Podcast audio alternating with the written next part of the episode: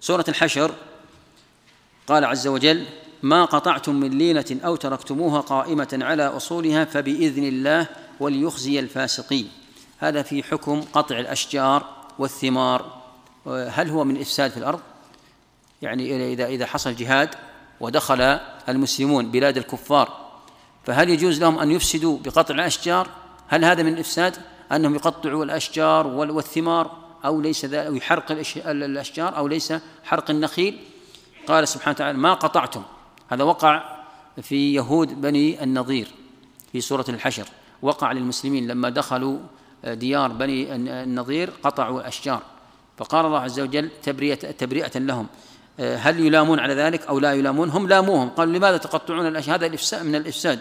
من ذلك يعني في الحرب. فرد الله سبحانه وتعالى عليهم بأن هذا الفعل كان بإذن من الله.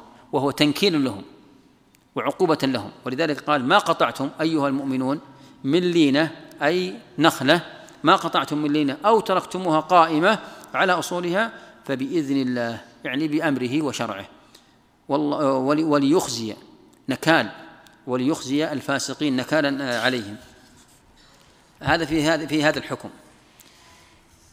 طيب قال سبحانه وتعالى يعني يعني نعود المسألة هذه. هل يجوز للمسلمين إذا دخلوا ديار كفار وغنموا منهم وقتلوهم هل يجوز أن يقطعوا أشجارهم أو لا يجوز؟ نقول ينظر في المصلحة. إن كان في هذا تنكيل لهم كما فعل النبي صلى الله عليه وسلم في بني آه، النظير فإن إن كان في هذا مصلحة جاز. وإن كان ليس فيه مصلحة فإنه الأصل أن تبقى هذه الأشجار لمنفعة المسلمين. ولذلك الصحابة فتحوا بلاد الكفار وما لم يقطعوا ما دام أن المصلحة في ترك هذه الأشياء. طيب الآية التي بعدها قال وما أفاء الله على رسوله منهم فما أوجفت من خير ولا ركاب ولكن الله يسلط رسله على من يشاء والله على كل شيء قدير. ما زالت الآيات في قصة بني النظير وهم يهود بني النظير في المدينة. قال وما أفاء الفي هو ما يأخذه المسلمون من العدو من غير قتال. كانوا مثلا يحاصرون العدو فيفر العدو في غير المعركة. يعني يدخلون دار ديار أو بلاد عدو فيأتون على هذه البلاد يدخلون فيفر الأعداء ويتركون كل شيء فيها. هذا يسمى في لأنه حصل من غير قتال ومن غير مواجهة. أما التي تحصل بالقتال مواجهة في في مواقع الحرب هذا تسمى غنائم. فالغنائم شيء والفي شيء. فالفي ما يأخذه المسلمون من العدو من غير قتال. سمي فيئا لأنه يفي يرجع يرجع للمسلمين من غير جهاد. يقول عز وجل وما أفاء الله على رسوله شوف تخصيص للرسول.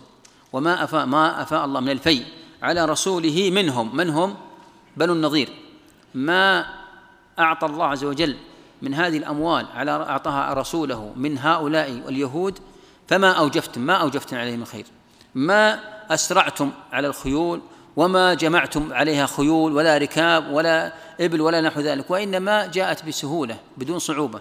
وجاءت يعني بهذه الطريقة.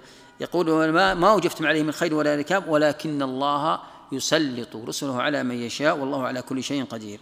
فهذا آه، الفيء الذي حصل آه، من بني النظير لمحمد صلى الله عليه وسلم كان خاصا بالرسول صلى الله عليه وسلم وأخذه ووزعه وغنمه المسلمون. طيب آه، قال بعدها مباشرة ما أفاء الله على رسوله من أهل القرى. هذا تعميم بعد التخصيص. الآية الأولى كانت خاصة في بني النظير. زين؟ تأتي الآية الثانية تعميم الحكم حتى لا يفهم أن الفي خاص في مثلا ما وقع لبني النظير. وإنما الفي يعني يعم كل ما كل من كان بهذه الحالة وكل من كان بصفة هؤلاء آه، بصفة آه، بني النظير. يقول ما أفاء الله على رسوله من أهل القرى. ليست قرية بني النظير وإنما من أهل القرى. فهذا الفيء لمن يكون قال يخمس. فتكون هذه الجملة جديدة غير الجملة السابقة ولكنها حكم جديد يعمم الحكم الخاص. تفيد بأن يعني يعني لا يختص بالنظير وإنما يختص في كل بلاد تفتح من غير قتال.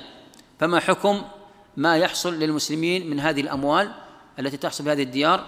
قال فلله وللرسول. يعني يحكم به الله ورسوله ويوزع للمسلمين قال ولذي القربى قرابة النبي صلى الله عليه وسلم وهم أهل بيته واليتامى الذين هم بحاجة فقراء والمساكين وابن السبيل يقول هذا الفي يوزع يخمس ويوزع على هؤلاء المحتاجين لماذا؟ لماذا؟ قال لكي كي لا يكون دولة بين الأغنياء حتى لا يكون المال متداول على على يعني جهة وهم الأغنياء دون الفقراء. فإذا أعطى يعطي الفقراء منه صار المال متداولا بين جميع الطبقات.